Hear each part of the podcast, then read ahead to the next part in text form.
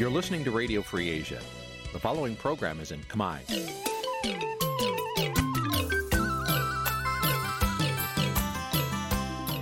នេះជាកម្មវិធីផ្សាយ Vuthu Azizi Serai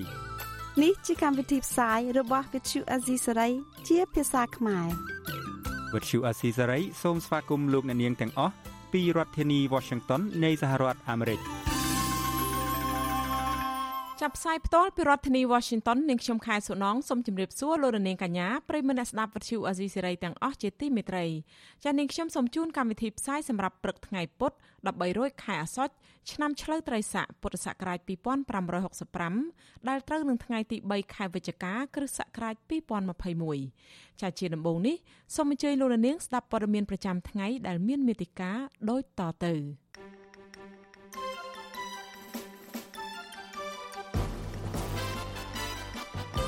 រឹទ្ធសភាអនុម័តសេចក្តីព្រាងច្បាប់រដ្ឋធម្មនុញ្ញអ្នកដឹកនាំកម្ពុជាមានសញ្ជាតិខ្មែរតែមួយ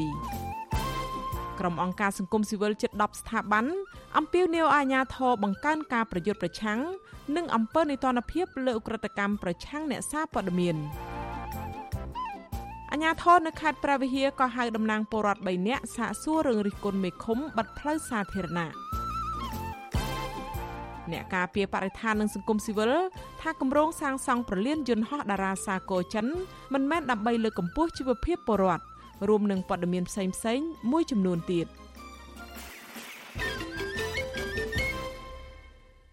ចាជាបន្តទៅនេះនាងខ្ញុំខែសុណងសូមជូនព័ត៌មានទាំងនេះពឺស្ដា ចលនានាងជាទីមេត្រីគណៈកម្មការជំនាញនៃព្រឹទ្ធសភានឹងថ្វាយសេចក្តីព្រាងច្បាប់ស្តីពីសញ្ជាតិតែមួយទៅព្រះមហាក្សត្រឡាយប្រហ័សលេខានៅថ្ងៃទី3ខែវិច្ឆិកានេះដើម្បីដាក់ឲ្យប្រើប្រាស់ជាផ្លូវការនេះបើតាមការអាងរបស់អ្នកនាំពាក្យព្រឹទ្ធសភាលោកមុំប៊ុនហេងប្រាប់អ្នកសារព័ត៌មានក្រោយពេលព្រឹទ្ធសភាអនុម័តសេចក្តីព្រាងច្បាប់ស្តីពីសញ្ជាតិតែមួយក្នុងកិច្ចប្រជុំពេញអង្គកាលពីថ្ងៃទី2ខែវិច្ឆិកាម្សិលមិញក្រុមអ្នកវិភាគលើកឡើងថាការធ្វើវិសោធនកម្មរដ្ឋធម្មនុញ្ញកំណត់សញ្ជាតិតែមួយសម្រាប់មេដឹកនាំស្ថាប័នកម្ពុជាកម្ពុជារួមមានប្រធានរដ្ឋសភា ប្រធានព្រឹទ្ធសភានាយករដ្ឋមន្ត្រី និងប្រធានក្រុមប្រឹក្សាធម្មនុញ្ញនេះគឺជាការធ្វើឡើងដើម្បីសងសឹកទៅមេដឹកនាំគណៈបកប្រឆាំងលោកសំរងស៊ីតែប៉ុណ្ណោះលោកនាយករដ្ឋមន្ត្រីហ៊ុនសែនបានបញ្ជាឲ្យរដ្ឋមន្ត្រីក្រសួងយុតិធម៌លោកកើតរិទ្ធ រៀបចំធ្វើសេចក្តីព្រាងច្បាប់ស្តីពីវិសោធនកម្មរដ្ឋធម្មនុញ្ញកំណត់ឲ្យនាយករដ្ឋមន្ត្រី ប្រធានព្រឹទ្ធសភា ប្រធានរដ្ឋសភា និងប្រធានក្រុមប្រឹក្សាធម្មនុញ្ញត្រូវមានសញ្ជាតិខ្មែរតែមួយកាលពីថ្ងៃទី6ខែតុលាការស្នើនេះក្រោយពេលលោកសំរងស៊ីប្រធានស្ដីទីគណៈបកសង្គ្រោះជាតិបានចោទប្រកាន់លោកហ៊ុនសែនមានគម្រោងរត់ចោលស្រុក លោកសំរងស៊ីធ្លាប់អះអាងថាលោកនឹងលាសញ្ជាតិបារាំងនៅពេលណាក៏បានបើសិនជាស្ថានភាពចាំបាច់តម្រូវដើម្បីចូលរួមដឹកនាំប្រទេស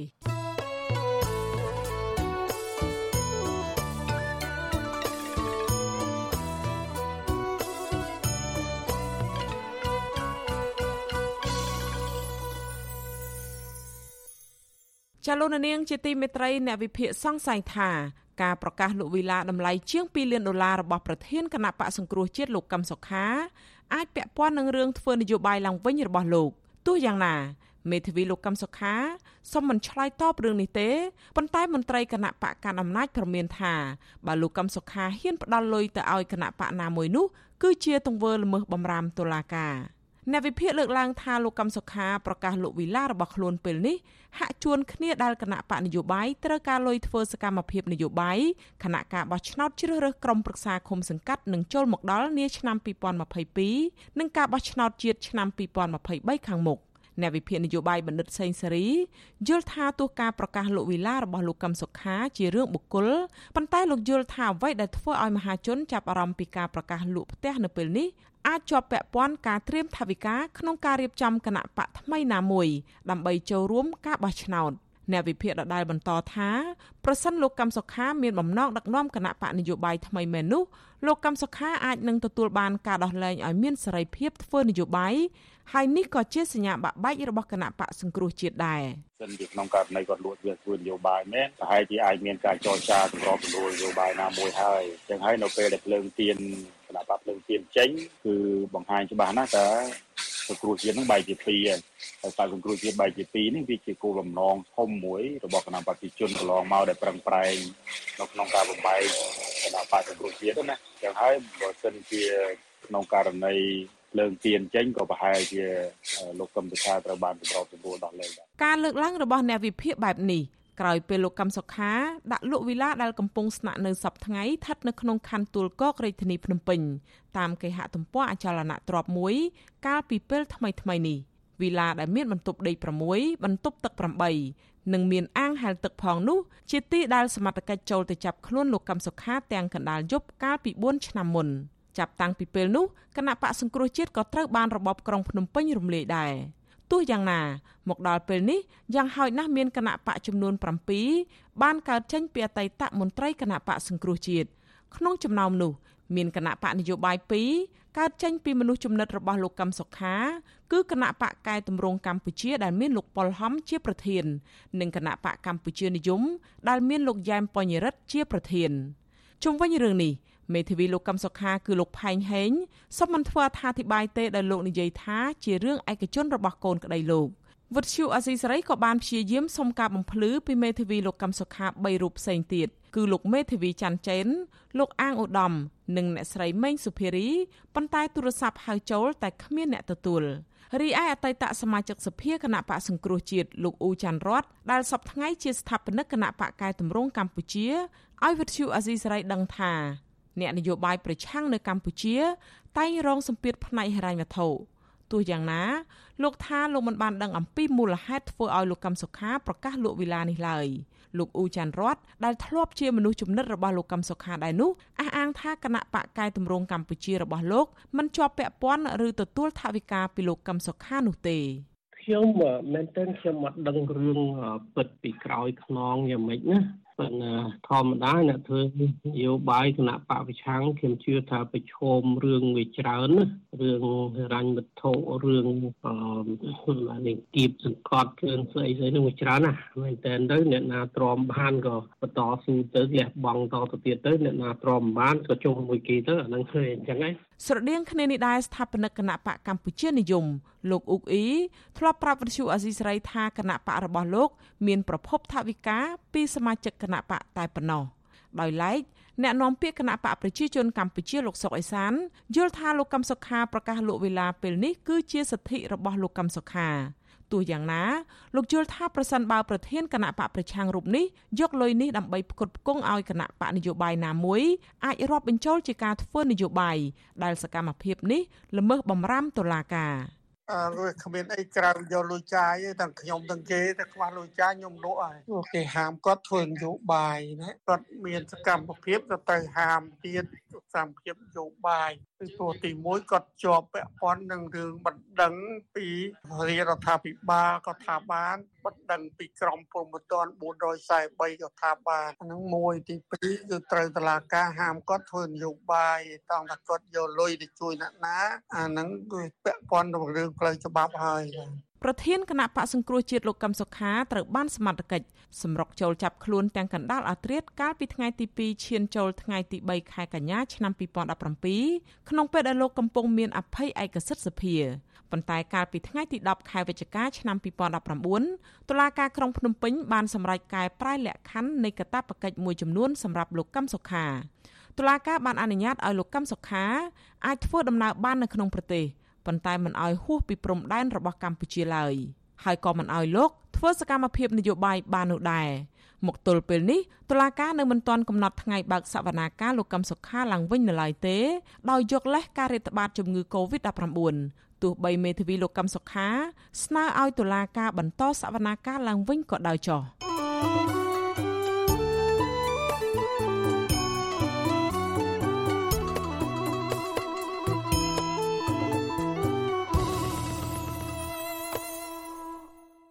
ចាលោកនាងកញ្ញាប្រិមមអ្នកស្ដាប់ជាទីមេត្រីចាក្រុមអង្គការសង្គមស៊ីវិលជិត10ស្ថាប័នអំពាវនាវឲ្យអាជ្ញាធរកម្ពុជា បង្កើនការប្រយុទ្ធប្រឆាំងនឹងអំពើនីតិរដ្ឋភាពឬភាពគ្មានទោសពៃរួចពីសំណាញ់ច្បាប់ ចំពោះក្រតកម្មប្រឆាំងអ្នកសារព័ត៌មាន ក្រុមអង្គការសង្គមស៊ីវិលទាំងនេះរួមមានសមាគមកម្ពុជាដើម្បីការពារអ្នកកសែតហៅកាត់ថា CAPJ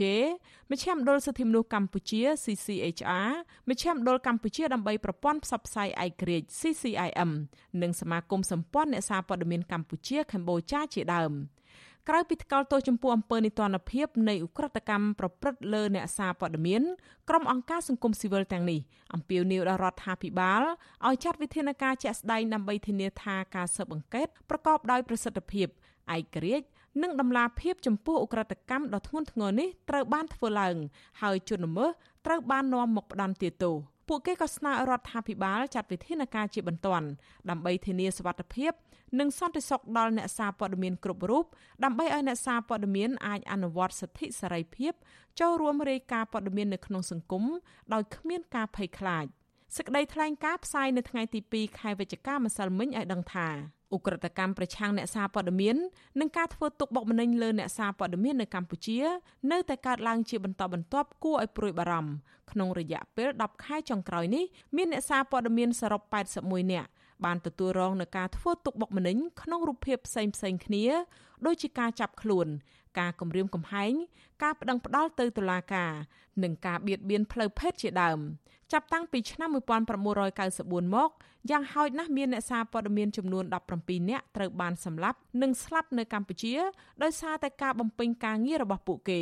ក្នុងនោះមាន12ករណីដែលបានប្រព្រឹត្តបទល្មើស មិនត្រូវបានអាជ្ញាធរនាំយកមកផ្ដន្ទាទោសនោះទេក្រុមអង្គការសង្គមស៊ីវិលទាំងនេះសង្កត់ធ្ងន់ថានៅពេលដែលអ្នកសារព័ត៌មានគឺជាមុខសញ្ញានៃអំពើហិង្សា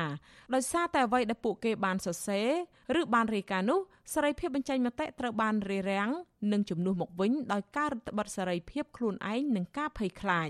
លើសពីនេះទៀតអ្នកមានអំណាចក៏អាចរួចខ្លួនពីការទទួលខុសត្រូវចំពោះទង្វើដែលពួកគេបានប្រព្រឹត្ត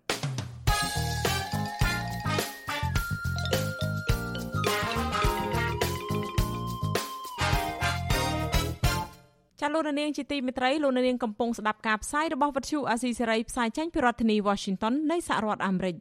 មន្ត្រីអង្គការសង្គមស៊ីវិលទាំងផ្នែកការពារសិទ្ធិមនុស្សនិងដំឡាភិបសង្គមជំរុញឲ្យអាជ្ញាធរបើកការស៊ើបអង្កេតករណីមន្ត្រីជាន់ខ្ពស់របស់រដ្ឋាភិបាលម្នាក់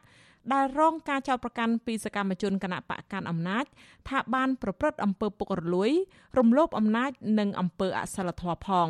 ចាលោកនាងនឹងបានស្ដាប់សេចក្តីរាយការណ៍នេះពុស្ដានៅពេលបន្តិចទៀតនេះ។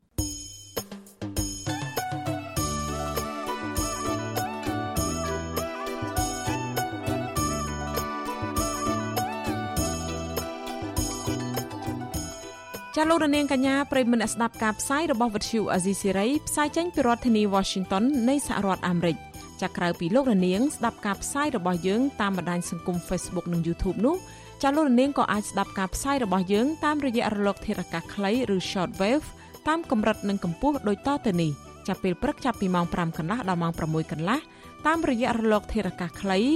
9390 kHz ស្មើនឹងកម្ពស់ 32m និង11850 kHz ស្មើនឹងកម្ពស់ 25m នៅពេលយប់ចាប់ពីម៉ោង7កន្លះដល់ម៉ោង8កន្លះតាមរយៈរលកធាតុអាកាសខ្លី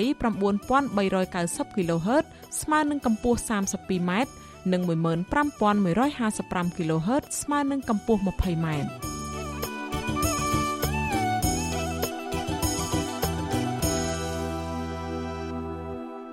ចាលោករនាងកញ្ញាប្រិយមិត្តអ្នកស្ដាប់ជាទីមេត្រីចាសក្តីរាយការណ៍នៅឯខេត្តព្រះវិហារនោះវិញអាជ្ញាធរមូលដ្ឋាននៃខេត្តនេះបានកោះហៅតំណាងពលរដ្ឋ3នាក់ឆ្លើយបំភ្លឺនៅសាលាឃុំច្រាច់ជាង1ម៉ោងក្រោយពីពួកគេតវ៉ាក្នុងករណីអាជ្ញាធរបិទផ្លូវសាធារណៈមួយខ្សែបណ្ដាលឲ្យប៉ះពាល់មុខរបរនិងសកម្មភាពសេដ្ឋកិច្ចរបស់អ្នកភូមិជាច្រើនគ្រួសារពលរដ្ឋអះអាងថាមេឃុំច្រាច់លោកសៅសំមិនត្រឹមតែពុំដោះស្រាយក្តីកង្វល់របស់ពួកគាត់នោះទេ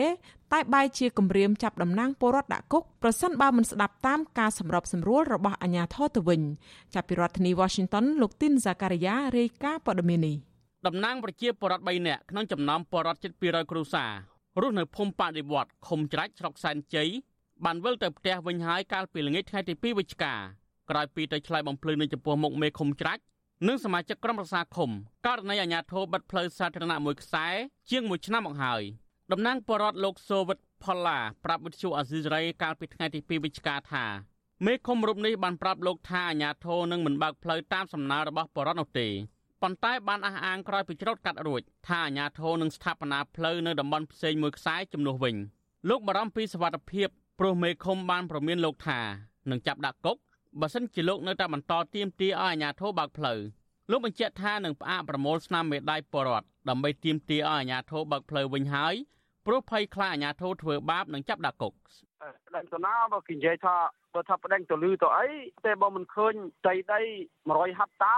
ស្រែណោមបាន100ហិកតា គេនឹងចាប់ដាក់ខ្នោះខ្ញុំក៏ភ័យដែរណានេះណាខ្ញុំខ្ជិលបន្តទៀតណាវារាំងពិបាកណាតិចព្រោះខ្ញុំវាពីពីសានេះហើយគេហៅខ្ញុំមកប្រឈមនឹងគុកហើយនេះបើសិនជាលោកមិនដោះស្រាយឲ្យផ្លូវ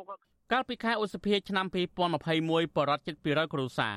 បានប្រមេដៃទៀមទីឲ្យមេឃុំច្រាច់បើកផ្លូវសាធារណៈមួយខ្សែដើម្បីសម្រួលដល់ការដឹកជញ្ជូនកសិផលនិងសកម្មភាពសេដ្ឋកិច្ចរបស់អ្នកភូមិជាច្រើនគ្រួសារប៉ុន្តែគ្មានដំណោះស្រាយនៅឡើយទេ បរដ្ឋអូនត្អែថារដូវប្រមូលផលកសិកម្មកាន់តែគៀកអ្នកភូមិនឹងជួបការលំបាកខ្លាំងក្នុងការដឹកជញ្ជូនកសិផលពីស្រែ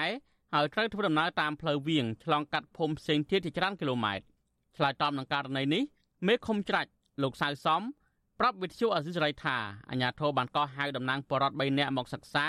ដើម្បីរកដំណោះស្រាយរួមមួយដោយមិនបានគម្រិតកំហែងបរដ្ឋនោះទេ លោកបញ្ជាក់ទៀតថាអាញាធរឃុំសម្រេចថានឹងមិនបើកផ្លូវតាមការចង់បានរបស់បរដ្ឋឡើយដោយលោកអះអាងថាការបាត់ផ្លូវនេះដោយសារផ្លូវនៅគៀកសាលាឃុំនិងប៉ុស្តិ៍នគរបាលដែលរំខានការងាររបស់អាជ្ញាធរឥឡូវខ្ញុំសូមបិទដែរព្រោះកន្លែងរដ្ឋបាលវាមិនត្រូវថាមានផ្លូវមានអីកាត់មុខសាលាឃុំឬក៏ក្បែរសាលាឃុំទេនឹងប៉ុស្តិ៍នឹងអីនេះណាមុខអាផ្លូវដែលបើកនេះត្រូវអាងទឹកអាងទឹកចែកបាន3 4ភូ មិតែបើកមកវាចិនទៅយូចិនខ្សែភ្លើងអីវាផ្ទុះវាដាច់វាអីណាជុំវិញនឹងរឿងនេះមន្ត្រីសម្រាប់សម្រួលសមាគមអាតហុកខេត្តព្រះវិហារលោកឡាវច័ន្ទយល់ថាទង្វើរបស់មេឃុំបែបនេះគឺជាការគម្រាមកំហែងស្មារតីបរដ្ឋមិនឲ្យតវ៉ាទាមទាររដ្ឋដំណោះស្រាយដែលផ្ទុយពីរដ្ឋធម្មនុញ្ញលោកបញ្យល់ថាមេឃុំគ្មានសិទ្ធិបិទផ្លូវសាធារណៈតាមអំពើចិត្តនោះទេបើគ្មានការឯកភាពពីបរដ្ឋនោះ ហើយក៏ជាការគម្រាមកំហែងបំបាក់ស្មារតីប្រជាពលរដ្ឋណាដែលគាត់ហ៊ាននិយាយការរិះគន់ដើម្បីស្ថាបនានោះផងដែរបើសិនជាមេឃុំនឹងគាត់បានបិទផ្លូវហើយផ្លូវនោះជាផ្លូវសាធារណៈរបស់រដ្ឋគឺខុសទៅនឹងគោលការណ៍ច្បាប់ទៅហើយអ្នកភូមិឲ្យដឹងថាផ្លូវរទេះដែលមេឃុំបាត់នោះមានទំហំទទឹង3ម៉ែត្រភ្ជាប់ពីផ្លូវក្រាលគ្រួសក្រហមឆ្ពោះទៅកាន់ដីស្រែចម្ការរបស់អ្នកស្រុក ស្ថិតនៅក្នុងភូមិបដិវត្តខុំច្រាច់ស្រុកសានជ័យអ្នកភូមិចាត់ទុកផ្លូវនោះ ថាជាចរន្តសេដ្ឋកិច្ចយ៉ាងសំខាន់ដូចជាដឹកជញ្ជូនកសិផលដឹកគោក្របីទៅស្រែនិងការធ្វើចរាចរណ៍ទៅស្រែរកត្រីសាច់បរិភោគប្រចាំថ្ងៃជាដើមខ្ញុំទីនសាការីយ៉ាអសិរ័យប្រធានីវ៉ាស៊ីនតោនចាលោកនាងជាទីមេត្រីតកតងទៅនឹងវិបត្តិនៃទំនាស់ដីធ្លីនៅឯខេត្តកោះកុង សកម្មជនដីធ្លីម្នាក់ដាក់ពាក្យស្នើសុំតុលាការខេត្តកោះកុងពន្យាពេលបើកសវនាការជំនុំជម្រះក្តី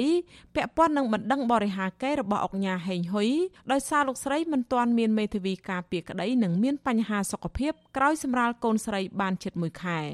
លោកស្រីស្នើសុំឲ្យតុលាការពិនិត្យមើលសំណុំរឿងនេះឡើងវិញ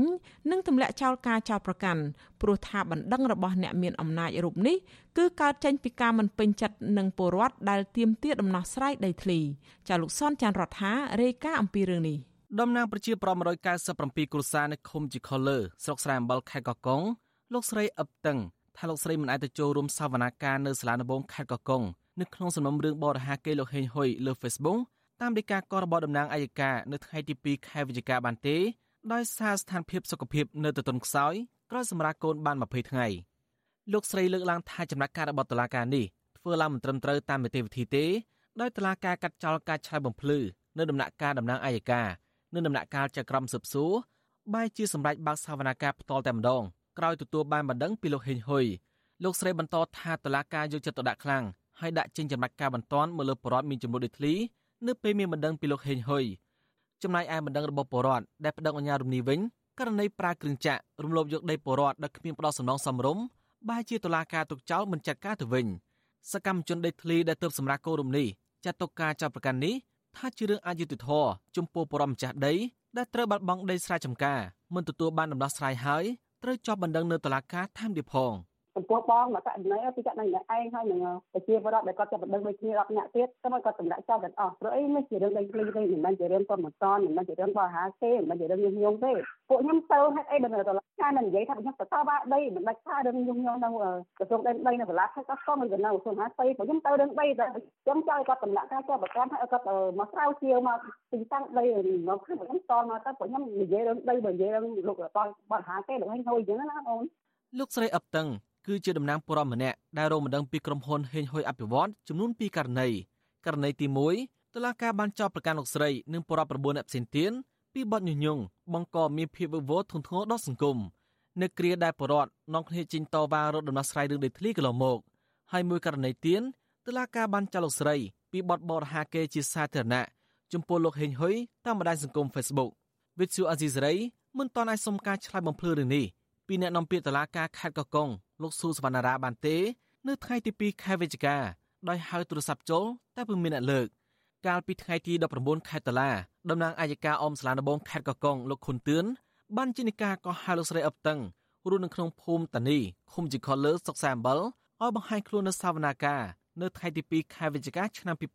2021ក្រោមបទចោទបរិហាកេរជាសាធារណៈដែលធ្វើឡើងតាមបណ្ដឹងរបស់ញាហេងហ៊ុយ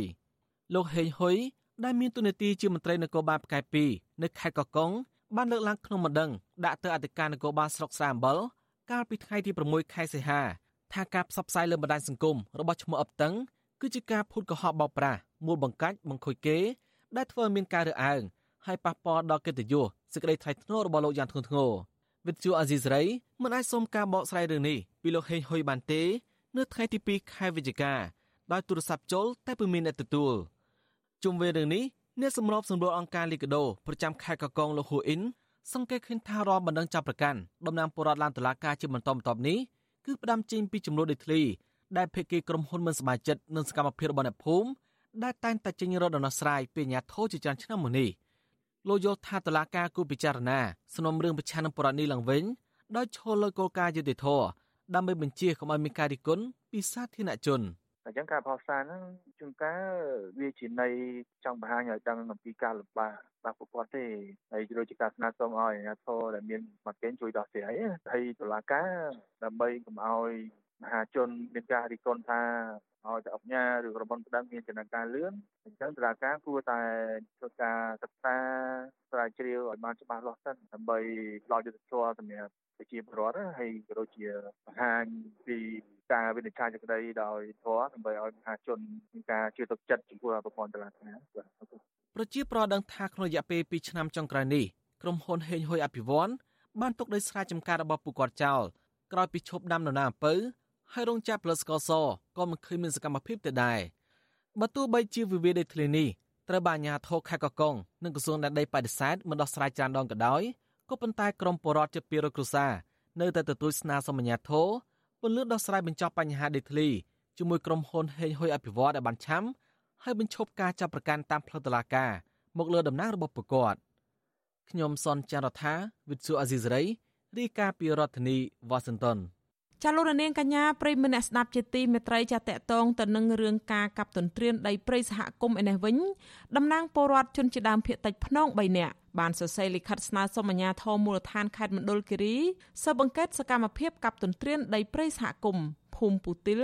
អស់ប្រមាណ1000ហិកតា បំផ្លិចបំផ្លាញទីជម្រកសត្វព្រៃនិងកន្លែងរកអនុផលព្រៃឈើយ៉ាងសំខាន់របស់អ្នកភូមិចំណែកអាជ្ញាធរថាមន្ត្រីជំនាញកំពុងស៊ើបអង្កេតលើរឿងនេះចាលោកសីបណ្ឌិត មានសេចក្តីរាយការណ៍ជនជាតិដើមភេតិចភ្នង3រូបតំណាងឲ្យពលរដ្ឋជាង100គ្រួសាររស់នៅភូមិពុទិល ឃុំប៊ូស្រាស្រុកពេជ្រដា បន្តទៀមទីឲ្យអាជ្ញាធរខេត្តមណ្ឌលគិរីស៊ើបអង្កេតនិងអនុវត្តច្បាប់លើអ្នកពាក់ព័ន្ធដែលកាប់ទុនទ្រានដីព្រៃសហគមន៍ភូមិពុទិលអស់ប្រមាណ1000ហិកតានៅរយៈពេល2ឆ្នាំចុងក្រោយនេះអ្នកភូមិរកឃើញអត្តសញ្ញាណជនល្មើសមួយចំនួនហើយផ្ដល់ដំណឹងនេះទៅឲ្យអាជ្ញាធរក៏ប៉ុន្តែនៅមិនទាន់មានវិធានការច្បាប់នៅឡើយទេ តំណាងពលរដ្ឋលោកស្រាំសឿនប្រាប់បទសុអាស៊ីសេរីនៅថ្ងៃទី2វិច្ឆិកាថាព្រៃសហគមន៍ភូមិពុទិលស្ថិតនៅចំណុចក្បាលអូតូជីងក្រឹងរហូតដល់តំបន់ទឹកជ្រោះលែងរ៉ាស់ត្រោយទំហំ1000ហិកតាត្រូវគេកាប់ទ្រន្ទ្រានឲ្យคล้ายជាវិលជាបន្តបន្ទាប់ ដើម្បីយកដីធ្វើជាកម្មសិទ្ធិចាប់តាំងពីឆ្នាំ2019រហូតមកទល់នឹងពេលនេះគ្មានអាជ្ញាធរណាចុះស៊ើបអង្កេតនៅឡើយទេក្រុមអ្នកកាប់ឈើមានគ្នាយ៉ាងហោចណាស់5នាក់ បានប្រើរណាយន្តអាផ្ដួលរលំដើមឈើធំធំ ដើម្បីរៀនយកដីធ្វើអាជីវកម្មនៅតំបន់ដែលអ្នកភូមិអាស្រ័យផលព្រៃឈើនិងកន្លែងសត្វព្រៃរស់នៅលោកបន្ថែមថាក្រោយពីលោកសរសេរលិខិតស្នើទៅអាជ្ញាធរឃុំឲ្យចុះស៊ើបអង្កេតលើរឿងនេះសកម្មភាពកាប់ទន្ទ្រានដីព្រៃបានផ្អាកហើយផ្លូវផងវាយផ្លូវហ្នឹងដើម្បីនឹងយកទន្ទ្រានដីហ្នឹងប្រហែល4 4គីឡូជាងមកទៅលោកគ្រូខ្ញុំមើលតាមដានរហូតខ្ញុំមើលរហូត ប៉ះពាល់ច្រើនណាស់ក្មួយប្រហែលភូមិប្រហែលឃុំពួកខ្ញុំនេះក៏អាស្រ័យផលនៅក្នុងដឹងដែរប៉ះពាល់ប៉ះពាល់សัตว์ផងប៉ះពាល់មហូបមហាបន្លែប្រលុករបស់យើងជនជាតិដើមភាគតិចនៅនៅប្រកបមុខរបរនៅនឹងផងប៉ះពាល់ច្រើនណាស់ប៉ះពាល់យើរោចបោចវររផ្ដៅផងព្រៃសហគមន៍ភូមិពុទិលមានទំហំជាង8000ហិកតាស្ថិតនៅឃុំប៊ូស្រាស្រុកពេជ្រដាដែលសហគមន៍ជនជាតិដើមភាគតិចស្នើសុំចុះបញ្ជីជាព្រៃអភិរក្សតាំងពីឆ្នាំ2013 ព្រៃសហគមន៍ទាំងនេះស្ថិតនៅតំបន់អភិរក្សរបៀងនៃដែនជំរកសត្វព្រៃភ្នំណាមលាគ្រប់គ្រងដោយក្រសួងបរិស្ថានឆ្លើយតបនឹងរឿងនេះមេឃុំប៊ូស្រា លោកយឺតសារិន បញ្ជាក់យ៉ាងខ្លីថា ក្រោយពីទទួលលិខិតស្នើសុំអន្តរាគមន៍ពីប្រជាពលរដ្ឋលោកបានអញ្ជើញអ្នកប្រព្រឹត្តនិងតំណាងពលរដ្ឋមកពិភាក្សាគ្នានៅសាលាឃុំប៉ុន្តែភាគីទាំងពីរមិនចុះសម្រុងគ្នាទេលោកបន្ថែមថាអាជ្ញាធរឃុំ បានរាយការណ៍បញ្ហានេះទៅថ្នាក់លើរួចហើយដើម្បីដោះស្រាយបន្តទៀតដល់មកឃុំឃុំយើងក៏អញ្ជើញអ្នកភាគីប្រព្រឹត្តតែជាមួយអ្នកគាត់រាយការណ៍ឲ្យយើងនឹងមិនទៅចុះសម្រុងគ្នាក្រមប្រឹក្សាបណ្ដាញសហគមន៍ជនជាតិដើមភាគតិចភ្នងលោកក្រាំងដុល្លារសង្កេតឃើញថា សកម្មភាពកាប់ទន្ទ្រានដីព្រៃសហគមន៍នេះមានការខុបខិតគ្នាជាប្រព័ន្ធទើបធ្វើឲ្យអាជ្ញាធររារែកក្នុងការអនុវត្តច្បាប់លោកថាសំបីតែប្រធានសហគមន៍ ក៏មានជាប់ពាក់ព័ន្ធនឹងការកាប់ព្រៃទន្ទ្រានយកដីធ្វើជាកម្មសិទ្ធិនេះដែរ។មេខុំគាត់ធ្វើខុសនីតិវិធីគាត់គាត់មិនហៅអ្នកពាក់ព័ន្ធទេគាត់អនុញ្ញាតឲ្យអ្នកភូមិដែលជាបងជាប្អូនជនល្មើសហ្នឹងមកចូលរួមជជែករឿងហ្នឹងដែរវាខុសវាខុសពីរឿងមានន័យថាដើមមិនដឹងមានតែម្នាក់គាត់បើតែដល់ពេលជនល្មើសគេមកការពារគ្នាវា10ទៅ20 30នាក់អញ្ចឹងវាធ្វើឲ្យការនិយាយវាមិនស្ដាប់គ្នាមិនបានអញ្ចឹងណាបង ជុំវិញរឿងនេះមន្ត្រីពង្រឹងសិទ្ធិអំណាចសហគមន៍មូលដ្ឋាននៃសមាគមអាត6លោកប៉ែនប៊ុនណាពន្យល់ថាការកាប់ទុនទានដីព្រៃគឺជាបទល្មើសឧក្រិដ្ឋมันអាចសម្របសម្រួលដោះស្រាយបញ្ចប់បញ្ហាបាននោះទេគឺត្រូវតែបញ្ជូនសំណុំរឿងនេះទៅតុលាការលោកបញ្ជាក់ថាអាជ្ញាធរត្រូវតែអនុវត្តច្បាប់ដល់អ្នកពាក់ព័ន្ធនិងដកហូតដីព្រៃទាំងនោះមកជាកម្មសិទ្ធិរដ្ឋវិញ អ្វីដែលអាជ្ញាធរឃុំត្រូវធ្វើគឺត្រូវតែដាក់បណ្ដឹងបរិហាបាទទៅតំណាងអัยការអបសាលាដំបងខេត្តមណ្ឌលគិរីឬមួយក៏ដាក់ទៅជំនាញក៏បានដែរអ្នកភូមិឲ្យដឹងថាការបាត់បង់ព្រៃសហគមន៍ទ្រង់ទ្រាយធំនេះបណ្ដាលមកពីខ្វះការយកចិត្តទុកដាក់ពីអាជ្ញាធរខេត្តនេះដោយមិនបានអនុវត្តច្បាប់ឲ្យមានប្រសិទ្ធភាពហើយជនពាក់ព័ន្ធដែលកាប់បំផ្លាញព្រៃសហគមន៍ភៀកច្រើន បានចាប់យកមុខរបរទុនទ្រានដីព្រៃធ្វើអាជីវកម្មដោយមិនក្រែងច្បាប់នោះទេរីឯអាជ្ញាធរតែងតែឆ្លើយដោះស្រាយនិងកិច្ចវេះមិនទទួលខុសត្រូវបើទោះបីជាមានប្រជាពលរដ្ឋរាយការណ៍និងបង្ហាញភ័ស្តុតាងជាច្រើនយ៉ាងណាក្តី។ខ្ញុំបាទសេកបណ្ឌិតវិទ្យុអាស៊ីសេរីពីរដ្ឋធានីវ៉ាស៊ីនតោន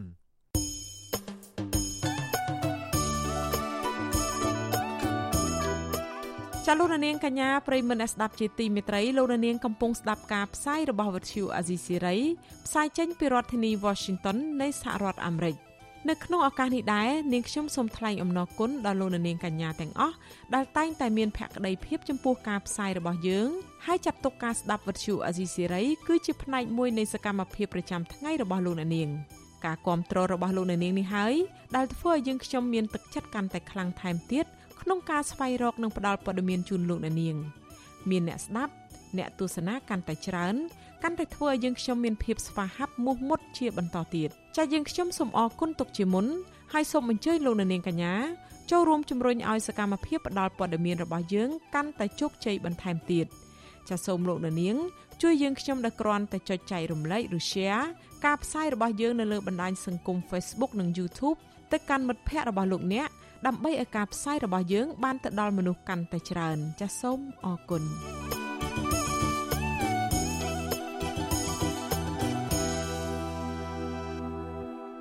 ចាលោកនាងកញ្ញាប្រិមិត្តអ្នកស្ដាប់ជាទីមេត្រីចាប់ពាក់ព័ន្ធទៅនឹងរឿងគម្រោងសាងសង់ប្រលានយន្តហោះវិញអ្នកការពារបរិស្ថាននិងសង្គមស៊ីវិលលើកឡើងថា គម្រោងសាងសង់ប្រលានយន្តហោះតារាសាគរក្នុងខេត្តកោះកុងរបស់ក្រុមហ៊ុន UDG មិនមែនជាគោលដៅលើកកម្ពស់ជីវភាពប្រជាពលរដ្ឋនិងការអភិវឌ្ឍវិស័យទេសចរនៅកម្ពុជានោះទេ ការលើកឡើងនេះធ្វើឡើងបន្ទាប់ពីរដ្ឋមន្ត្រីក្រសួងទេសចរលោកថោងខុន កាលពីថ្ងៃទី30ខែតុលាបានជំរុញឲ្យក្រុមហ៊ុនវិស្មកាលតារាសាគរនៅខេត្តនេះរបស់រដ្ឋចិនជួយពន្លឿនការសាងសង់ប្រលានតារាសាគរឲ្យបានឆាប់ដើម្បីបើកជើងហោះហើរក្នុងស្រុកតំបន់និងអន្តរជាតិនៅដើមឆ្នាំក្រោយចាអ្នកស្រីម៉ៅសុធានីមានសេចក្តីរាយការណ៍ពុស្ដាអំពីរឿងនេះស្ថាបនិកអង្គការមេដាធម្មជាតិលោក Alejandro Gonzalez Davidson ប្រាប់វិទ្យុអសីសេរីនៅថ្ងៃទី2ខែវិច្ឆិកាថាគម្រោងសាងសង់ប្រលានយន្តហោះតារាសាគរនៅខេត្តកោះកុងរបស់ក្រុមហ៊ុន UDG អាចជារូបភាពបោកបញ្ឆោតប្រជាប្រដ្ឋខ្មែរដែលមិនមែនជាគោលដៅលើកកម្ពស់ជីវភាពរស់នៅបរដ្ឋនិងអភិវឌ្ឍវិស័យទេសចរនោះទេ ចាលោកបន្តថាកន្លងមកក្រុមហ៊ុនមួយនេះពាក់ព័ន្ធនឹងការរំលោភសិទ្ធិមនុស្សធ្ងន់ធ្ងរដោយសារតែការខុបខិតជាមួយអាជ្ញាធរដូចជាការប្រើកម្លាំងប្រដាប់អាវុធ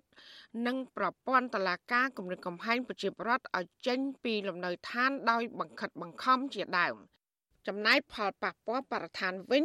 លោកអាលិចថាក្រុមហ៊ុនបានកាប់បំផ្លាញព្រៃឈើយ៉ាងរង្គាលហើយដែលធ្វើឲ្យឧទ្យានជាតិបទុមសាគរបាត់បង់សត្វព្រៃនិងធនធានធម្មជាតិជាច្រើននោះដែរ លោកអាលិចបន្តថាមានចំណុចជាច្រើនដែលធ្វើឲ្យលោកកាន់តែសង្ស័យថាគម្រោងពលានយន្តហោះតារាសាគររបស់ក្រុមហ៊ុន UDG ជាប់ពាក់ព័ន្ធវត្តមានកងទ័ពចិននៅកម្ពុជា និងផែនការលាងលុយកខ្វក់របស់ឈ្មួញនិងអ្នកមានអំណាច ក្រោមស្លាកអភិវឌ្ឍវិស័យទេសចរពីព្រោះថាក្រុមហ៊ុន បានលាក់បាំងព័ត៌មានដោយពន្លឿនការសាងសង់ពលានយន្តហោះក្នុងស្ថានភាពវិបត្តិជំងឺ Covid-19 ហើយស្ថានភាពភូមិសាស្ត្រនៅខេត្តកោះកុងដែលមានភ្ញៀវទេសចរមុនពេលជំងឺ Covid-19 តិចតួច និងហេដ្ឋារចនាសម្ព័ន្ធមិនគ្រប់គ្រាន់បែបនេះតើអាចคล้ายជាគោលដៅទេសចរទៅរួចដែរឬទេ លោកអាលិចក៏ស្នើរដ្ឋាភិបាលបញ្ចេញព័ត៌មានអំពីគម្រោងវិតម្លៃផលប៉ះពាល់បរិស្ថានជាសាធារណៈ បន្ទាប់ពីគម្រោងផ្សេងផ្សេងនេះគឺលួចលាក់ព័ត៌មានសិនទាំងអស់កងត្រាកិច្ចសន្យារដ្ឋាភិបាលចំណូលប្រមាណមានលក្ខខណ្ឌអ្វីខ្លះគឺយើងអត់ដឹងទាំងអស់ជាក្រុមហ៊ុនដែលគួរសង្ស័យណាស់ហើយបើយើងបូកជាមួយនឹងអ្វីដែលការអន្តរជាតិផងរដ្ឋាភិបាលបរទេសនិយាយគឺរត់តែសង្ស័យថាអាចនឹងពាក់ព័ន្ធជាមួយនឹងវិស័យយោធាច្រើនជាងវិស័យទេសចរពីព្រោះវិស័យទេសចរវាអត់មានក្បាលអត់មានខ្ទុយទេ ប្រតិកម្មនេះធ្វើឡើងក្រោយដែលរដ្ឋមន្ត្រីក្រសួងទេសចរលោកថោងខុនកាលពីថ្ងៃទី30ខែតុលាបានជួបជាមួយតំណាងក្រុមហ៊ុនវិសមកាលតារាសាគរនៅខេត្តកោះកុងដើម្បីត្រៀមបើកទទួលភ្ញៀវទេសចរវាក់សាំងនៅចុងខែវិច្ឆិកាខាងមុខក្នុងកិច្ចប្រជុំនោះលោករដ្ឋមន្ត្រីទេសចរបានជំរុញឲ្យក្រុមហ៊ុនរដ្ឋចិនមួយនេះ ពន្លឿនការសាងសង់ពលានយន្តហោះតារាសាគរឲ្យបានឆាប់ ដើម្បីបើកជើងហោះហើរក្នុងស្រុកតំបន់និងអន្តរជាតិនៅដើមខែមករាឆ្នាំ2022ខាងមុខជាវត្ថុអសីស្រីមិនអាចតតងរដ្ឋមន្ត្រីក្រសួងការពារជាតិលោកទាបាញ់ប្រធានអង្គភិបអ្នកនាំពាក្យរដ្ឋាភិបាលលោកផៃស៊ីផាន និងអ្នកនាំពាក្យក្រសួងទេសចរលោកតុបសុភ័ក្រ ដើម្បីបកស្រាយបន្ថែមជុំវិញរឿងនេះបានទេ នៅថ្ងៃទី2ខែវិច្ឆិកាដោយសារតែទូរស័ព្ទហៅចូលតែពុំមានអ្នកទទួល បើទោះជាមានព័ត៌មានជំវិញមហិច្ឆតារបស់ចិនប្រើប្រាស់ក្រុមហ៊ុនវិនិយោគរបស់ខ្លួនឲ្យលួចអនុវត្តគម្រោងការសម្ងាត់នេះតាមរយៈគម្រោងវិនិយោគនានាក៏ដោយក៏លោកទេបាញ់ធ្លាប់អះអាងប្រាប់វិទ្យុអសីស្រីថាលោកមិនបារម្ភហើយក៏មិនចាត់វិធានការត្រួតពិនិត្យលើក្រុមហ៊ុនចិនណាមួយដែលកំពុងវិនិយោគនៅកម្ពុជានោះឡើយ ពលានយន្តហោះតារាសាគរមានផ្លូវយន្តហោះចុះប្រវែង3200ម៉ែត្រនិងទទឹង60ម៉ែត្រហើយដែលវែងជាងអាកាសយានដ្ឋានអន្តរជាតិភ្នំពេញហើយក្រុងនឹងបញ្ចប់នៅពាក់កណ្ដាលឆ្នាំ2022ខាងមុខហើយពលាននេះអាចទទួលយកយន្តហោះខ្នាតធំ Boeing 777និង Airbus A340 ការស្ថាបនាពលានយន្តហោះដ៏ធំនេះបានចាប់ផ្ដើមកាលពីចុងឆ្នាំ2018 ក្រុមហ៊ុន UDG បានទទួលដីសម្បត្តិពីរដ្ឋាភិបាល ទំហំ45000ហិកតាក្នុងស្រុកចំនួន2គឺនៅស្រុកបទុមសាគរនិងគ្រីសាគរតាំងពីឆ្នាំ2008ដើម្បីអភិវឌ្ឍតំបន់មួយនេះទៅជាកន្លែងទេសចរដ៏ធំមួយឈ្មោះថាតារាសាគរ គម្រោងធំធំដែលមានកាស៊ីណូសន្តាគារកន្លែងវាយកូនហ្គោលតំបន់កំសាន្តនៅឆ្នេរពលានយន្តហោះនិងកំពង់ផែសមុទ្រទឹកជ្រៅដែលមានតម្លៃ3800លានដុល្លារអាមេរិកនេះក៏បានបញ្ចូលដែនសមុទ្រខ្មែរចំនួន20%ផងដែរ ចាចំណែកអ្នកគ្រប់គ្រងគម្រោងធុរកិច្ចនិងសិទ្ធិមនុស្សនៃមជ្ឈមណ្ឌលសិទ្ធិមនុស្សកម្ពុជាលោកវ៉ាន់សុផាត មានប្រសាសន៍ថាកន្លងមកគម្រោងពលានយន្តហោះរបស់ក្រុមហ៊ុន UDG បានធ្វើឲ្យប៉ះពាល់ដល់សិទ្ធិលំនៅឋាននិងសិទ្ធិដីធ្លីរបស់ប្រជាពលរដ្ឋយ៉ាងធ្ងន់ធ្ងរហើយដែលធ្វើឲ្យកម្ពុជារងទណ្ឌកម្មសេដ្ឋកិច្ចពីសហរដ្ឋអាមេរិកលោកយល់ថាគម្រោងអភិវឌ្ឍនេះហាក់ផ្ដល់ផលចំណេញទៅឈ្មួញនិងអ្នកមានអំណាច ប៉ុន្តែលោកមិនរំពឹង ថាប្រជាប្រដ្ឋទទួលបានផលប្រយោជន៍ដើម្បីលើកកម្ពស់ជីវភាពនោះទេមន្ត្រីសង្គមស៊ីវិលរូបនេះទទូចដល់រដ្ឋាភិបាល គួរប្រកាន់គោលនយោបាយការបរទេសអព្យាក្រឹតដោយមិនត្រូវលំអៀងទៅប្រទេសមហាអំណាចណាមួយនោះឡើយ។ ឃើញប្រាប់ហើយដូចជានៅខេត្តកោះកុងរឿងពលានយន្តហោះ UDG ហ្នឹងដែលប៉ះពាល់ដល់សិទ្ធិមនុស្សដល់ជាបរដ្ឋរងទឹកភ្នែកក្នុងបច្ចុប្បន្នក៏ដូចជាកន្លែងលានយន្តហោះថ្មីនៅខេត្តកដាលដូចជានៅខេត្តដតីដតីទៀតហ្នឹងឃើញថាភាគច្រើនដូចជាមិនមានបង្ហាញអំពីនៃភាពពិតប្រាកដនិយមដោយការលើកឡើងរបស់នៃរដ្ឋរបស់យើងនឹងទេគម្រោងខ្នាតយក្សនេះចូលរួមបម្រើឲ្យផ្នែកមួយនៃគំនិតប្រួយផ្ដាមខ្សែក្រវ៉ាត់និងផ្លូវរបស់ចិន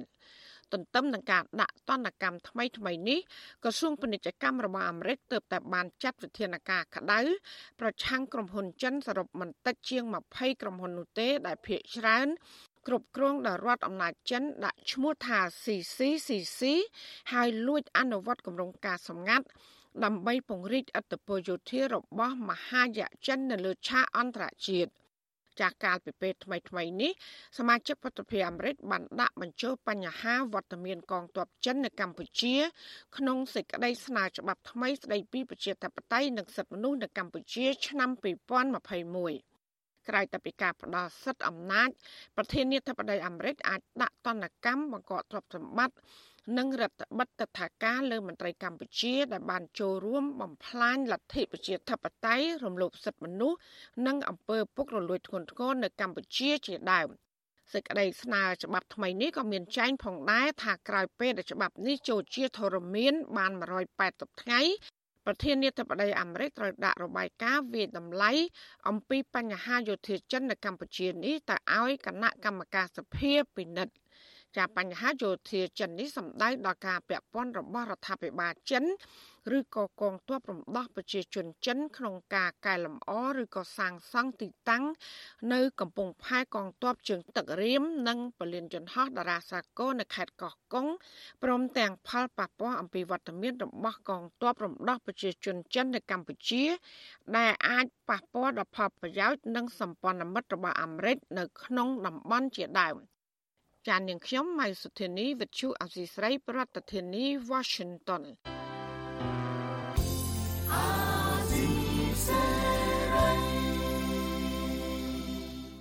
ចាលោកនាងជាទីមេត្រីលោកនាងកំពុងស្ដាប់ការផ្សាយរបស់វិទ្យុអាស៊ីសេរីផ្សាយចេញពីរដ្ឋធានី Washington នៃសហរដ្ឋអាមេរិក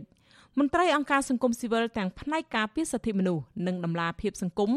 ជំរុញឲ្យអាជ្ញាធរបើកការស៊ើបអង្កេតករណីមន្ត្រីជាន់ខ្ពស់របស់រដ្ឋាភិបាលម្នាក់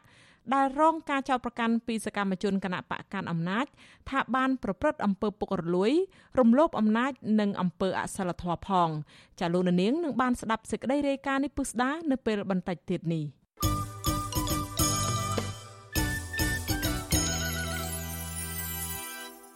ចាលោកនាងកញ្ញាប្រិមនៈស្ដាប់ជាទីមេត្រីចាងាកមកសេចក្តីរាយការណ៍តកតងទៅនឹងស្ថានភាពពលករចំណាក់ស្រុកនៅឯប្រទេសថៃឯនោះវិញ។ អ្នកឃ្លាំមើលសិទ្ធិពលករខ្មែរនៅក្នុងប្រទេសថៃអះអាងថាប៉ូលីសថៃបានអនុវត្តល្មើសសេចក្តីណែនាំរបស់ក្រសួងមហាផ្ទៃថៃដែលបានបង្គាប់ឲ្យផ្អាកចាប់ពលករគ្មានឯកសារស្របច្បាប់ក្នុងស្ថានភាពជួបវិបត្តិជំងឺ Covid-19 ការលើកឡើងបែបនេះធ្វើឡើងក្រោយពេលដែលអាជ្ញាធរថៃសន្យាថានឹងដោះលែងពលករខ្មែរទាំង7នាក់ដែលបានចាប់ខ្លួនកាលពីថ្ងៃទី29ខែតុលាចាលោកមានរិទ្ធរាយការណ៍ព័ត៌មាននេះ ប៉ូលីសអន្តរប្រវេសន៍ថៃនៅមិនទាន់ដោះលែងពលករខ្មែរទាំង7នាក់ពីមន្ទីរឃុំឃាំងនៃការិយាល័យអន្តរប្រវេសន៍នៅទីក្រុងបាងកកនៅឡើយទេគិតត្រឹមរសៀលថ្ងៃទី2ខែវិច្ឆិកា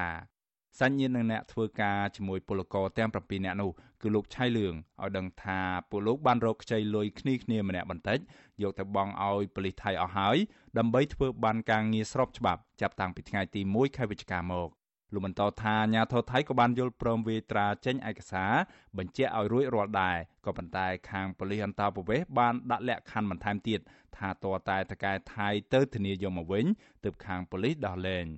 លោកឆៃលឿងបន្តថានៅថ្ងៃទី2ខែវិច្ឆិកាតកែជនជាតិថៃបានធានាយកពលករទាំង7នាក់នោះដែរក៏ប៉ុន្តែខាងប៉ូលីសអន្តរប្រវេសន៍ថៃបានបន្តលើកពេលដោះលែងទៅថ្ងៃទី3ខែវិច្ឆិកាបន្តទៀតដោយមិនទាន់បញ្ជាក់ហេតុផលយ៉ាងណានោះទេ ម្នាក់4000ដែលគេយកអស់ហើយណាតែយើងវាទៅយើងគេនៅតែ10000ទេក្នុង10000នេះគេដែររឿងអីរៀបរយអស់ហើយតែ7នាក់ហ្នឹងព្រោះម្សិលមិញហ្នឹងខ្ញុំបានទៅជាមួយគាត់ហ្នឹងខ្ញុំថតឯកាពីគាត់មកហើយគេហៅអាដេញបៃប្រថាត្រារបស់សមអីហ្នឹងខ្ញុំថតទៀតដល់ទូរស័ព្ទខ្ញុំទាំង7នាក់ហ្នឹងឯងតើតើនឹងបញ្ហានេះប៉ូលីសថៃបានប្រាប់ទៅតកែជនជាតិថៃថា ពួកគេនឹងដោះលែងពលករតែ4នាក់ទេនៅក្នុងចំណោម7នាក់នោះព្រោះពលករ3នាក់ទៀតត្រូវបានរកឃើញថាមានឆ្លងជំងឺ Covid-19 លោកឆៃលឿងឲ្យដឹងទៀតថាខាងប៉ូលីសនឹងបញ្ជូនពលករឆ្លង Covid-19 ទាំង3នាក់ទៅព្យាបាលក៏ប៉ុន្តែមិនបានប្រាប់ទីតាំងថានៅកន្លែងណានោះទេប៉ូលីសថៃបានចុះឈ្មោះចាប់ក្រុមពលករចំនួន7នាក់នោះកាលពីថ្ងៃទី23ខែតុលានៅក្នុងពេលដែលតំណាងពលករប្រមាណ50នាក់ បានជួបជុំគ្នាដាក់ញត្តិស្នើសុំដំណោះស្រាយផ្នែកការងារនៅមុខក្រសួងការងារថៃប៉ូលីសថៃបានចោទថាពលករសំណង់ទាំង7នាក់នោះគ្មានឯកសារស្របច្បាប់និងត្រូវចាប់បញ្ជូនភ្លាមៗទៅឃុំឃាំងនៅពន្ធនាគារនៃការិយាល័យអន្តោប្រវេសន៍នៅក្រុងបាងកកការឆ្មក់ចាប់អ្នកគ្មានឯកសារស្របច្បាប់ក្នុងប្រទេសថៃតែងតែកើតមានឡើងជារឿយៗលើពលករខ្មែរឡាវនិងភូមាដែលកំពុងធ្វើការនៅក្នុងប្រទេសថៃ ក៏ប៉ុន្តែអ្នកខ្លាំមើលអះអាងថាការចាប់ពលករនៅក្នុងស្ថានភាពដែលថៃកំពុងជួបនៅវិបត្តិជំងឺ Covid-19 បែបនេះគឺជាករណីល្មើសនឹងសេចក្តីសម្រេចរបស់ក្រសួងមហាផ្ទៃថៃដែលរដ្ឋាភិបាលថៃធ្លាប់ប្រកាសលើកលែងឯកសារផ្លូវច្បាប់នានាឲ្យពលកររហូតដល់មានការធូរស្រាលនៃការឆ្លងជំងឺ Covid-19 ឡើងវិញ ប្រធានមូលនិធិពលករខ្មែរប្រចាំប្រទេសថៃលោកសុនសីហាសង្កេតឃើញថាបើទោះបីជារដ្ឋាភិបាលថៃដាក់ចេញនៅបំរាមបែបនេះក៏ដោយក៏អាជ្ញាធរថៃតែងតែចោះចាប់និងគំរាមពលករបរទេសដែលគ្មានឯកសារច្បាប់ជារឿយៗលោកថា ភ ieck ច្រើនប៉ូលីសថៃបានឆ្មក់ចាប់ពលករភ្លាមភ្លាមហើយគំរាមពលករមិនឲ្យផ្សព្វផ្សាយព័ត៌មានចេញទៅក្រៅទេ ជាថ្នូវនឹងការតម្រូវឲ្យបង់លុយក្រៅផ្លូវការឬរត់ការចេញឯកសារស្របច្បាប់និងដោះលែងវិញជាដើម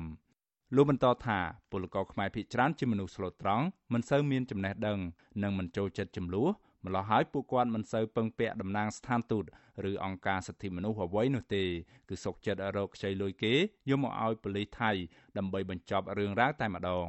ស្ថានទូតមិនបានទទួលព័ត៌មានទេនៅពេលចាប់ពីធ្វើការចាប់ពីប្រាក់ពីពលករគឺគេមានផែនការរបស់គេមិនឲ្យមានព័ត៌មាននឹងលុបលាអញ្ចឹងបើមិនជាស្ថានទូតគាត់អត់បានទទួលព័ត៌មាននឹងតាន់ពេលវេលាគាត់មិនដឹងថាជួយយ៉ាងម៉េចក៏អាចជួយបានទេទី1ទី2ទៀតបើសិនជាប៉ះករណីពលករដែលគាត់អត់ឯកសារគ្រប់គ្រាន់អញ្ចឹងត្រូវច្បាប់ទោះបីស្ថានទូតក៏ដោយក៏មិនអាចជួយដោះគាត់នៅពេលដែលគេចាប់ខ្លួនទេចាប់តាំងពីប្រទេសថៃជួបនៅវិបត្តិជំងឺ Covid-19 មក ពលករជាច្រើនបានបាត់បង់ការងារធ្វើគ្មានប្រាក់ចំណូលដែលជាហេតុធ្វើឲ្យពួកគាត់គ្មានលទ្ធភាពធ្វើបានការងារស្របច្បាប់ ការធ្វើបានការងារឬការបន្តបានការងារមានសុពលភាពម្ដងរយៈពេល2ឆ្នាំហើយត្រូវចំណាយលុយសរុបទាំងថ្លៃរត់ការសេវារដ្ឋនិងការពិនិត្យសុខភាពជាដើមប្រមាណជាង10000បាតឬប្រហែលជាង400ដុល្លារអាមេរិក ជុំវិញករណីនេះ Visual C ស្រីមិនអាចសុំការបញ្ជាក់ពីឯកអគ្គរដ្ឋទូតកម្ពុជាប្រចាំប្រទេសថៃលោកអ៊ុកសុភ័ណ្ឌនិងអ្នកនាំពាក្យក្រសួងការបរទេសនិងសហប្រតិបត្តិការអន្តរជាតិលោកកុយគួងបាននៅឡើយទេ នៅថ្ងៃទី2ខែវិច្ឆិការបាយការណ៍របស់អង្គការសង្ត្រាល់បង្ហាញថានៅមុនពេលប្រទេសថៃជួបនៅវិបត្តិជំងឺ Covid-19 មានពលករខ្មែរធ្វើការនៅក្នុងប្រទេសនេះជិត2លាននាក់រាប់បញ្ចូលទាំងពលករមានបានការងារនិងពលករគ្មានបានការងារ មន្ត្រីអង្គការសង្ត្រាប្រចាំប្រទេសថៃលោកលឹងសុផុនបញ្ជាក់ថាគិតត្រឹមខែតុលាមានពលករខ្មែរជាង1000នាក់ត្រូវបានអាជ្ញាធរថៃចាប់បានពេលឆ្លងដែនចូលប្រទេសថៃដោយខុសច្បាប់ភាគច្រើននៃពលករខ្មែរទាំងនោះត្រូវចាប់បញ្ជូនត្រឡប់ទៅកម្ពុជាវិញនិងមួយចំនួនទៀតដាក់ពន្ធនាគារក្នុងប្រទេសថៃខ្ញុំបាទមេរិត Visual C ស្រីរាយការណ៍ពីរដ្ឋធានី Washington ចាលោកនាងជាទីមេត្រីលោកនាងកំពុងស្ដាប់ការផ្សាយរបស់វិទ្យុអាស៊ីសេរីផ្សាយចេញពីរដ្ឋធានី Washington នៃសហរដ្ឋអាមេរិកមន្ត្រីអង្គការសង្គមស៊ីវិលទាំងផ្នែកការពារសិទ្ធិមនុស្សនិងដំឡាភិបសង្គមជំរុញឲ្យអាជ្ញាធរបើកការស៊ើបអង្កេតករណីមន្ត្រីជាន់ខ្ពស់របស់រដ្ឋាភិបាលម្នាក់ដែលរងការចោទប្រកាន់ពីសកម្មជនគណៈបកកាន់អំណាច ថាបានប្រព្រឹត្តអំពើពុករលួយ រំលោភអំណាច និងអំពើអសិលធម៌ផងចាលោកមួងណារ៉េតរាយការណ៍ពឹស្ដារអំពីរឿងនេះ មន្ត្រីអង្គការសង្គមស៊ីវិលព្រួយបារម្ភអំពីការអនុវត្តច្បាប់មានស្តង់ដារ2មិនស្មើភាពគ្នា ក្នុងករណីដែលមន្ត្រីគណៈបកប្រជាជនកម្ពុជាលោកគង់ខៀងដែលហ៊ាននិយាយចោទប្រកាន់អបនាយករដ្ឋមន្ត្រីនិងជារដ្ឋមន្ត្រីក្រសួងដែនដីនិងនគររូបនីយកម្មលោកជាសុផារ៉ាថាបានប្រព្រឹត្តអំពើពុករលួយ និងរំលោភអំណាចក៏ប៉ុន្តែបែរជាត្រូវអាជ្ញាធរចាប់ដាក់ពន្ធនាគារទៅវិញ។ នាយកអង្គការដំឡាភិបកម្ពុជាលោកពេជ្រពិសីចាត់ទុកលោកកុងខៀងដែលហ៊ានប្រថុយនិយាយប៉ះពាល់ដល់មន្ត្រីជាន់ខ្ពស់នៅក្នុងជួររដ្ឋាភិបាល ថាអាចជាជនរងគ្រោះឬក៏អ្នកហ៊ានរាយការណ៍ដែលមិនគួរណាគេធ្វើទុកបុកម្នេញគាត់តាមផ្លូវច្បាប់បែបនេះនោះទេលោកបន្តថាអ្នកដែលជាជនរងគ្រោះក្តីជាអ្នករាយការណ៍ព័ត៌មានផ្សេងផ្សេងអំពីភាពមិនប្រក្រតីនៅក្នុងសេវាសាធារណៈក្តីគួរតែទទួលបានការលើកទឹកចិត្តនិងកិច្ចគាំពារថែមទៀតផង លោកបន្ថែមថាដើម្បីជាប្រយោជន៍នៃដំណាភាពនិងភាពយុត្តិធម៌សម្រាប់ភាគីទាំងសងខាង និងសាធារណជនទូទៅផងនោះអាជ្ញាធរមានសមត្ថកិច្ចមិនគួរចាត់ការតែម្ខាងបែបនេះនោះទេ លោកថាករណីលោកគង់ខៀងជាករណីពិសេសដែលទាមទារឲ្យមានវិធានការជួយអ្នករាយការណ៍និងចាត់ការស៊ើបអង្កេតមន្ត្រីដែលជាប់ឈ្មោះនៅក្នុងការរាយការណ៍នោះគាត់ហ៊ានចេញជាតសញ្ញាណចេញមុខ ចេញមាត់ជាសាធារណៈទៀតយើងគួរតែត្រូវការការពារគាត់ទៅទៀតឯណោះបាទហ្នឹងកាលណាមានការលើកឡើងជាសាធារណៈពីមន្ត្រីស្ថាប័នគាត់ប្រហែលជាជាមន្ត្រីរបស់ក្រសួងណាមួយផងអញ្ចឹងជាសំខាន់វាអាចជាតម្រុយវាជាព័ត៌មានបឋមមួយ ដែលអាចជំរុញឲ្យអាជ្ញាធរហ្នឹងត្រួតពិនិត្យទៅលើករណីហ្នឹងដែរជាជាងយើង ទាត់ចោលឬក៏ក្នុងករណីនេះយើងឈានទៅដល់ការធ្វើទុកបុកម្នេញគាត់ថែមទៀតយើងគួរតែពិនិត្យទៅលើករណីហ្នឹង ប្រតិកម្មរបស់មន្ត្រីអង្គការសង្គមស៊ីវិលរូបនេះធ្វើឡើងក្រោយពីសកម្មជនគណបកប្រជាជនកម្ពុជានិងជានិស្សិតរៀនចប់សាលាច្បាប់ផងគឺលោកគង់ខៀងត្រូវសមត្ថកិច្ចចាប់បញ្ជូនទៅឃុំខ្លួននៅមណ្ឌលអប់រំកែប្រែម1នៃពន្ធនាគារព្រៃសរកាលពីថ្ងៃទី28ខែតុលាក្រោយកម្លាំងសមត្ថកិច្ចស្លៀកពាក់ស៊ីវិលជាច្រើនអ្នកបានឡោមព័ទ្ធផ្ទះរបស់លោកនិងផ្លោះនិងហែកសោទ្វាររបងផ្ទះរបស់លោកដើម្បីចូលចាប់ខ្លួននិងបញ្ជូនទៅឃុំខ្លួនភ្លាមៗនៅក្រសួងមហាផ្ទៃពីយប់3ថ្ងៃមុននឹងបញ្ជូនទៅឃុំខ្លួនបន្តនៅពន្ធនាគារព្រៃសរនោះ។មុនចាប់ខ្លួននេះលោកកុងខៀងដែលពាក់អាវសមាជិកគណៈបកប្រជាជនកម្ពុជាមានរូបទេវតាបាច់ផ្កាផងនោះបានបង្ហោះវីដេអូចំនួន2ដោយចោទអបនាយករដ្ឋមន្ត្រីនិងជារដ្ឋមន្ត្រីក្រសួងដែនដីនគររូបនីយកម្មនិងសំណង់លោកជាសភារាជាច្រើនករណីមេធាវីការពារក្តីឲ្យលោកកុងខៀងគឺលោកកុងសំអនឲ្យវិទ្យុអាស៊ីសេរីដឹងថាកូនក្តីរបស់លោកត្រូវតុលាការចោទប្រកាន់4បទល្មើសឯណោះ រួមមានបទបរិហាគេនិងញុះញង់ឲ្យមានការរើសអើងចំពោះថ្នាក់ដឹកនាំនិងបទក្លែងជាដើមពាក់ព័ន្ធទៅនឹងសកម្មភាពផ្សព្វផ្សាយជាសាធារណៈតាម Facebook នោះ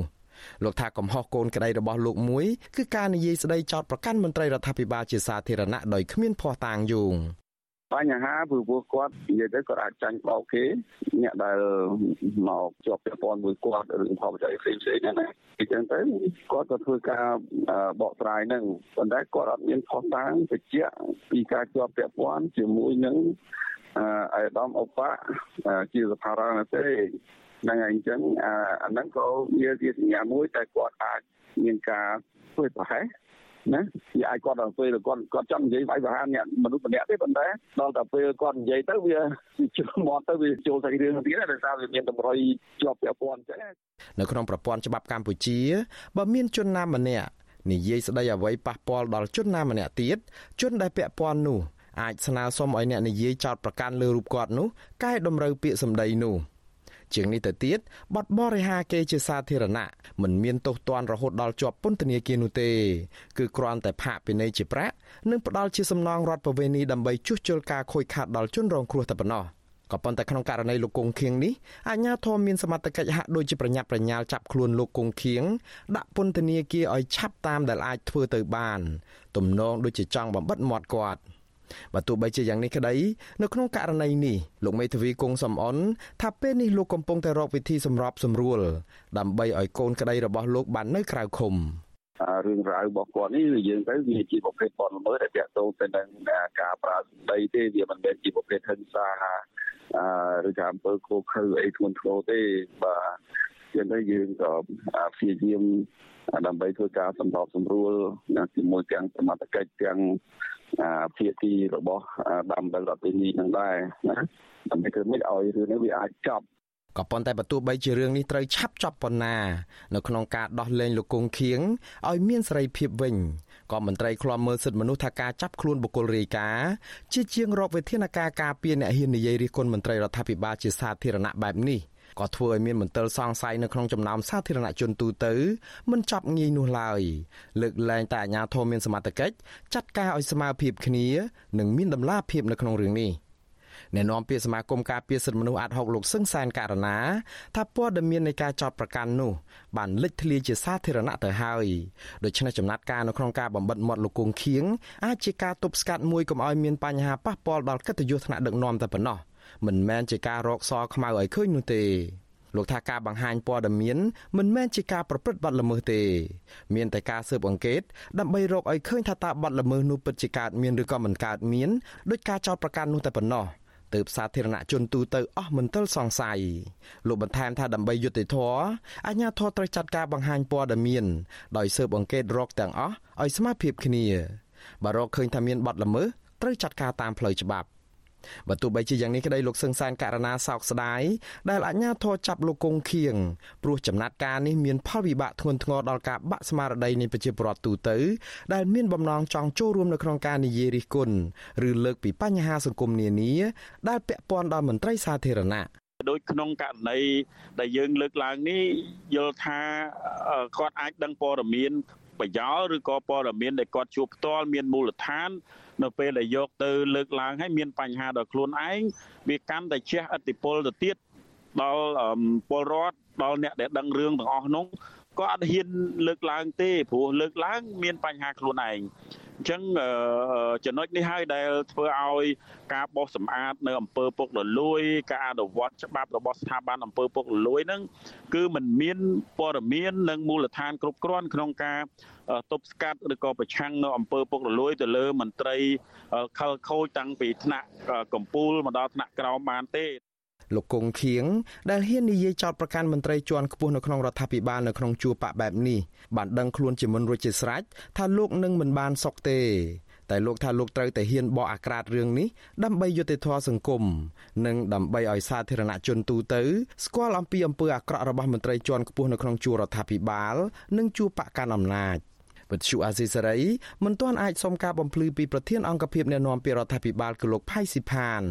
បាននៅឡើយទេ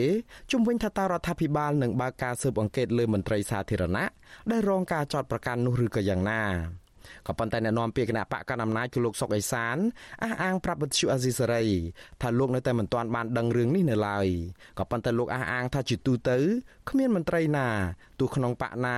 រួចខ្លួននោះទេឲ្យតែប្រព្រឹត្តខុសច្បាប់ បើសិនណាจะមានពាក់ព័ន្ធខាងផ្លូវច្បាប់អានឹងគេមិនគិតសមាជិកបកណាជាបកណាទេថាតែធ្វើខុសច្បាប់អានឹងត្រូវទទួលខុសត្រូវចំពោះមុខច្បាប់ហើយបើទោះបីជាយ៉ាងនេះក្តី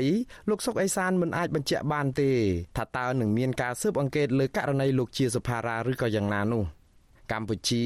រងការរិះគន់ថាយកប្រព័ន្ធតុលាការដើម្បីធ្វើជាឧបករណ៍សម្រាប់ធ្វើទុកបុកម្នេញអ្នកហ៊ាននិយាយរិះគន់មន្ត្រីរដ្ឋាភិបាល មន្ត្រីអង្គការសង្គមស៊ីវិលស្នើឲ្យរដ្ឋាភិបាលយកឱកាសនេះដើម្បីកែលម្អភាពចន្លោះប្រហោងនៃការអនុវត្តច្បាប់និងស្ដារទំនុកចិត្តរបស់ប្រជាពលរដ្ឋមកលើប្រព័ន្ធយុតិធធម៌របស់កម្ពុជាឡើងវិញដោយបើកការស៊ើបអង្កេតឲ្យបានត្រឹមត្រូវនិងមានដំណាភាពលើករណីនៃការចាប់ប្រកាន់លើមន្ត្រីសាធារណរូបនេះនិងមន្ត្រីឯទៀតដែលពាក់ព័ន្ធដើម្បីយុតិធធម៌និងភាពអស់សង្ស័យខ្ញុំបាទមួងណារ៉េត With you Asisari ប្រធានាធិបតី Washington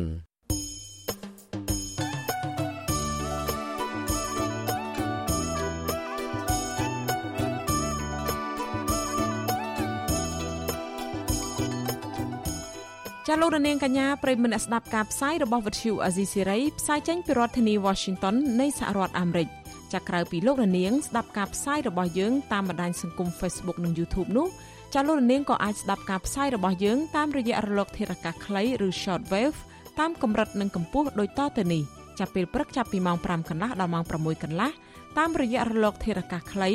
9390 kHz ស្មើនឹងកម្ពស់ 32m និង11850 kHz ស្មើនឹងកម្ពស់ 25m នៅពេលយប់ចាប់ពីម៉ោង7កន្លះដល់ម៉ោង8កន្លះតាមរយៈរលកធារកាសខ្លី9390 kHz ស្មើនឹងកម្ពស់ 32m និង15155 kHz ស្មើនឹងកម្ពស់ 20m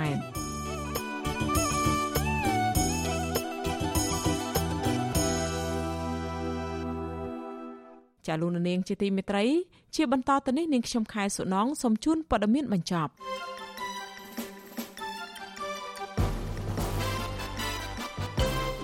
ចាលោកនាងជាទីមេត្រីអ្នកវិភាគសង្ស័យថាការប្រកាសលោកវីឡាតម្លៃជាង2លានដុល្លាររបស់ប្រធានគណៈបកសង្គ្រោះជាតិលោកកឹមសុខាអាចពាក់ព័ន្ធនឹងរឿងធ្វើនយោបាយឡើងវិញរបស់លោកទោះយ៉ាងណា មេធាវីលោកកឹមសុខាសូមមិនឆ្លើយតបរឿងនេះទេប៉ុន្តែមន្ត្រីគណៈបកកណ្ដាលអំណាចព្រមានថាបើលោកកឹមសុខាហ៊ានផ្ដាល់លុយទៅឲ្យគណៈបកណាមួយនោះគឺជាទង្វើល្មើសបំរាមតុលាការ គណៈកម្មការជំនាញនៃព្រឹទ្ធសភានឹងថ្វាយសេចក្តីព្រាងច្បាប់ស្តីពីសញ្ជាតិតែមួយទៅព្រះមហាក្សត្រឡាយប្រហ័សលេខានៅថ្ងៃទី3ខែវិច្ឆិកានេះដើម្បីដាក់ឲ្យប្រើប្រាស់ជាផ្លូវការនេះបើតាមការអាងរបស់អ្នកនាំពាក្យព្រឹទ្ធសភាលោកមុំប៊ុនហេងប្រាប់អ្នកសារព័ត៌មានក្រោយពេលព្រឹទ្ធសភាអនុម័តសេចក្តីព្រាងច្បាប់ស្តីពីសញ្ជាតិតែមួយក្នុងកិច្ចប្រជុំពេញអង្គកាលពីថ្ងៃទី2ខែវិច្ឆិកាម្សិលមិញក្រុមអ្នកវិភាគលើកឡើងថាការធ្វើវិសោធនកម្មរដ្ឋធម្មនុញ្ញកំណត់សញ្ជាតិតែមួយសម្រាប់មេដឹកនាំស្ថាប័នកម្ពុជាកម្ពុជារួមមានប្រធានរដ្ឋសភា ប្រធានព្រឹទ្ធសភានាយករដ្ឋមន្ត្រី និងប្រធានក្រុមប្រឹក្សាធម្មនុញ្ញនេះគឺជាការធ្វើឡើងដើម្បីសងសឹកទៅមេដឹកនាំគណៈបកប្រឆាំងលោកសំរងស៊ីតែប៉ុណ្ណោះ ចាសក្តីរាយការណ៍នៅឯខេត្តព្រះវិហារនោះវិញអាជ្ញាធរមូលដ្ឋាននៃខេត្តនេះបានកោះហៅតំណាងពលរដ្ឋ3នាក់ឆ្លើយបំភ្លឺនៅសាលាឃុំច្រាច់ជាង1ម៉ោងក្រោយពីពួកគេតវ៉ាក្នុងករណីអាជ្ញាធរបិទផ្លូវសាធារណៈមួយខ្សែបណ្ដាលឲ្យប៉ះពាល់មុខរបរនិងសកម្មភាពសេដ្ឋកិច្ចរបស់អ្នកភូមិជាច្រើនគ្រួសារពលរដ្ឋអះអាងថាមេឃុំច្រាច់ លោកសៅសំមិនត្រឹមតែពុំដោះស្រាយក្តីកង្វល់របស់ពួកគាត់នោះទេតែបែរជាគម្រាមចាប់តំណាងពលរដ្ឋដាក់គុកប្រសិនបើមិនស្ដាប់តាមការសម្របសម្រួលរបស់អាជ្ញាធរទៅវិញសកម្មជនដីធ្លីម្នាក់ដាក់ពាក្យស្នើសុំតុលាការខេត្តកោះកុងពន្យាពេលបើកសវនាការជំនុំជម្រះក្តីពាក់ព័ន្ធនឹងបណ្ដឹងបរិហាកេររបស់អុកញ៉ាហេងហ៊ុយដោយសារលោកស្រីមិនទាន់មានមេធាវីការពារក្តីនិងមានបញ្ហាសុខភាពក្រោយសម្រាលកូនស្រីបានជិត1ខែ។ លោកស្រីស្នើសុំឲ្យតុលាការពិនិត្យមើលសំណុំរឿងនេះឡើងវិញនិងទម្លាក់ចោលការចោទប្រកាន់ព្រោះថាបណ្ដឹងរបស់អ្នកមានអំណាចរូបនេះគឺកើតចេញពីការមិនពេញចិត្តនឹងពលរដ្ឋដែលទាមទារដំណោះស្រាយដីធ្លី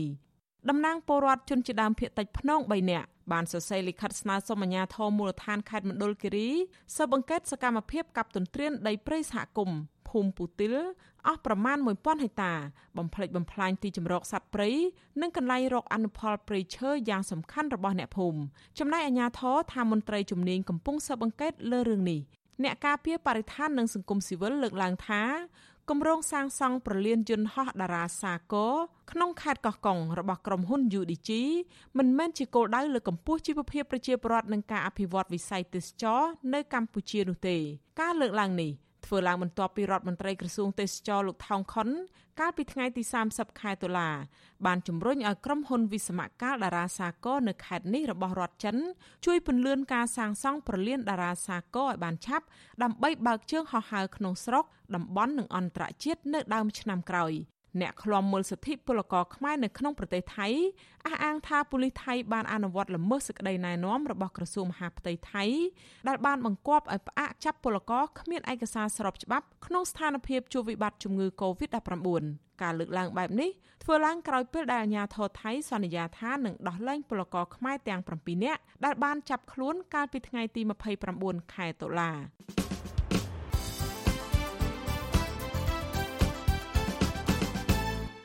ចាលោកនាងកញ្ញាប្រិយមិត្តអ្នកស្ដាប់ការផ្សាយរបស់វិទ្យុអាស៊ីសេរីទាំងអស់ជាទីមេត្រីចាការផ្សាយរបស់យើងរយៈពេល1ម៉ោងមកនេះបានឈានមកដល់ទីបញ្ចប់ហើយចានាងខ្ញុំសូមជូនពរដល់លោកនាងកញ្ញាទាំងអស់ឲ្យជួបប្រកបតែនឹងសេចក្តីសុខចម្រើនរុងរឿងកំបីគ្លៀងគ្លាតឡើយ